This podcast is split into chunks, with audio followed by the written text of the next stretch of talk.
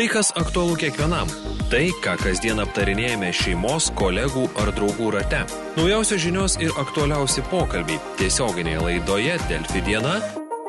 Keliamės e, į Šiaulius ir kalbėsime su kolege, kuri dirba tiesiogiai iš Šiaulių. Ar girdi mane Vilma? Taip, girdžiu, labai diena. Kaip nuotaiko Šiauliuose? Ar matosi žmonių sujudimas, galbūt gatvės tuščios, kaip atrodo Šiauliai šiandien? Ir matau, kolega Nerijus yra, galvoju, kad tu būsi viena, štai dviesi. Sveiki. Kaip Šiauliai gyvena?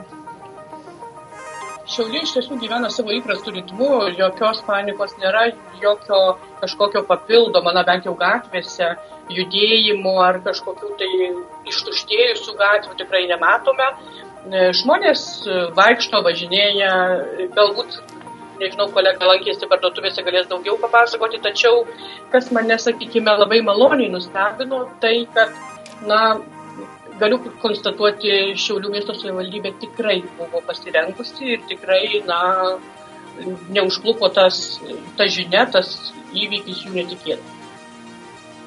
Aha, e, Nerijus lankėsi parduotuvėse, kalbino žmonės, kaip žmonės, kokios nuotaikos pa žmonės.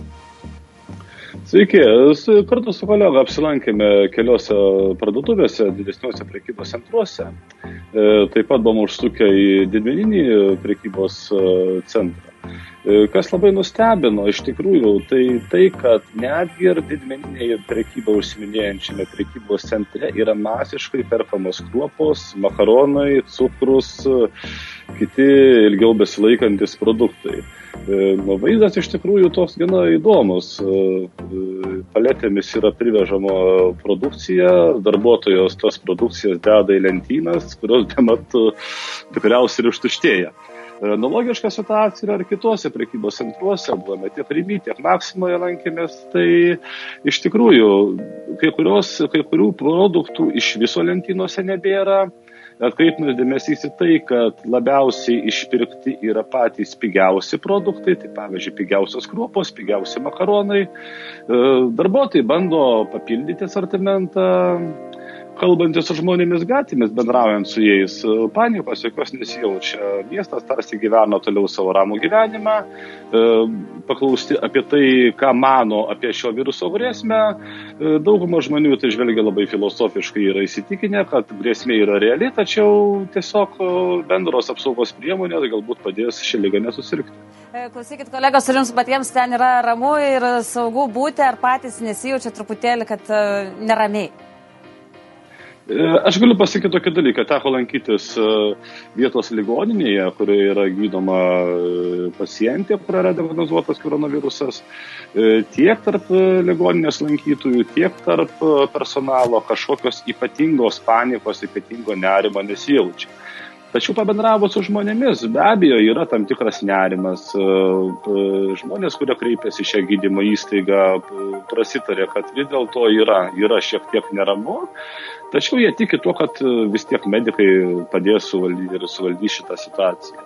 E, bendraujant su pačiais medikais irgi jaučiasi tam tikras reiškia nerimas, tačiau tai yra visiškai, sakyčiau, suprantamas reiškinys, susidūrus su pakankama nauja grėsme, nauja ne tik tai Lietuvai, bet ir nauja visam pasauliui. E, šiuo metu žmonės laukia, medikų personalas laukia atsakymų iš Vilnius laboratorijos, kurio išsiųsti ir kiti mėginiai paimti iš stebimų pacientų ir matomai nuo to priklausys e, tolimesnė gydymo įstaigos darbo veikla, bet aš esu įsitikinęs, kad ten viskas labai bus tiesiog normalu. Tai...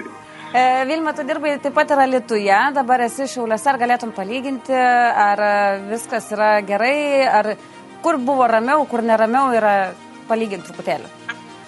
Aš tiesiog norėčiau pasakyti, kad e, Galbūt tai nuskambės šiek tiek makabriškai, bet ačiū Alytaus gaisrui, bet Lietuva tą pamoką išmoko, turiu mintyje, kaip elgtis ekstremaliuose situacijose, kaip jas galbūt valdyti ir, kas svarbiausia, kaip komunikuoti, kaip tiesiog pateikti informaciją, na, objektyvę, tikrą, patikrintą, tam, kad, na, tiesiog tie gandai kažkokie arba, na, kalbos ne, nesklistų ir nebūtų kažkokiu tai iškraipimų ir panašiai. Tai aš tai galiu pasakyti šitaip.